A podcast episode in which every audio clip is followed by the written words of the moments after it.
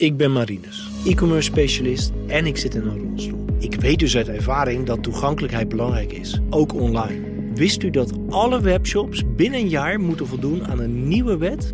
Dat is de Europese toegankelijkheidswet. Dit is een behoorlijke uitdaging. Voor hulp kijk op sqli.com/bnr.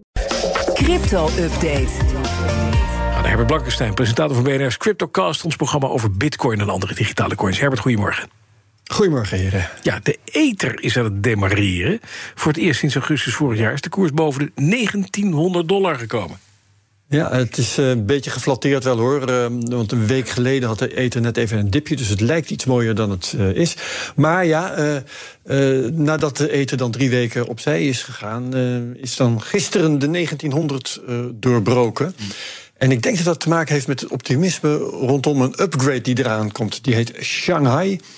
Wordt over twee weken uitgevoerd. Ja, ik kan er ook niks aan doen. Er worden namen voor verzonnen. Ja. En eh, ja, over twee weken zullen we dus zien of dat optimisme terecht is geweest. En de, die Shanghai upgrade, wat houdt hij precies in? Wat doet dat? Nou, ik kan er het beste een, een dingetje uitpikken. Er wordt namelijk een belangrijk los eindje afgehecht. Eh, je herinnert je half september, toen hadden we de merge. Dat was de grote upgrade. Waarbij Ethereum overging naar een eh, andere manier om transacties vast te leggen. Niet meer met miners, die veel energie gebruiken, maar door staking, zoals dat heet. En eh, daarbij gaan bepaalde partijen een flinke zak eters inleggen. En die mogen dan transacties wegschrijven in de blockchain. Krijgen ze dan een soort rente voor?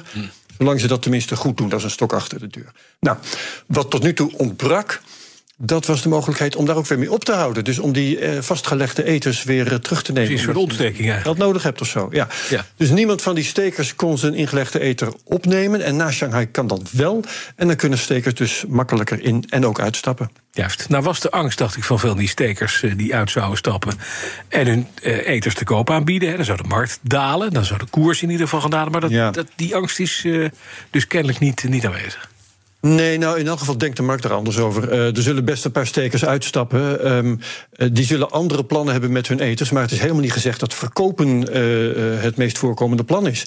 En ook is het zo, hoe meer van die stekers eruit stappen, hoe meer de achterblijvers te verdelen hebben. Dus dan wordt automatisch het blijven aantrekkelijker. En eh, voor nieuwe instappers wordt het dan ook aantrekkelijker, want in- instappen kan dus ook. Dus ehm, die koersdaling, dat kan natuurlijk wel. Eh, Dat gebeurde trouwens na de merge ook. Maar eh, ja, daar zijn normaal gesproken allerlei andere oorzaken ook voor in beeld. Eh, er kan wat met de rente gebeuren, met de inflatie, hacks, faillissementen. Al die dingen die gebeuren. En, en wat stekers werkelijk doen, dat gaat waarschijnlijk in al die ruis verdwijnen. Oké, dan over hacks gesproken. De hacker die de decentrale app Euler vanaf eh, half maart heeft bestolen voor 200 miljoen dollar, die heeft inmiddels het grootste deel van het geld dat hij gejat heeft teruggestort. D- Er was een prijs op zijn kop gezet hè, van een miljoen dollar. Ja, ja, daar hebben we het nog over gehad een paar weken terug. Ehm, en de eis was dat hij 90% eh, van eh, het gestolen geld zou teruggeven, of anders. Eh, en eh, toen hij dat niet meteen deed, toen is die beloning ook inderdaad uitgeloofd. En ja, ik kan niet zeggen of dat het is wat heeft geholpen. eh, maar de dief heeft nu stukje bij beetje het meeste teruggegeven. Ehm, er waren bedragen gestolen in zes verschillende coins. Samen dus die 200 miljoen. En ik heb gesproken met Mick de Graaf. Dat is een Nederlander die bij eh Euler is betrokken. Ehm, ontbreekt nog de tegenwaarde van ongeveer 3,5 miljoen. En daar is Euler blijkbaar tevreden mee. En ze hebben de uitgeloofde beloning nu ingetrokken. Oké, het is nu klaar. Dus hij heeft toch uiteindelijk met zijn hack 3,5 miljoen getikt. Ja, Ja, handig. dat is, dat is waar. Eh, en, en dat lijkt het model te worden de laatste tijd. Want eh, dat is eh, vaker aan de hand. In augustus vorig jaar begon dat. Met een hack van het Poly-network. Misschien weet je het nog, 600 miljoen. Ja, ja. De grootste hack ooit. En na wat onderhandelen heeft ook daar de hacker het meeste teruggegeven. Hij mocht in dat geval vijf ton houden. En het voorwendsel dat beide partijen eigenlijk eh, eh, naar voren brachten... was dat hij had geholpen bij het vinden van een lek. Nou, eh, hij had een lek gevonden, dat was duidelijk. Ehm, maar dat was dus een geval. En pas nog was er het cryptobedrijf Allbridge...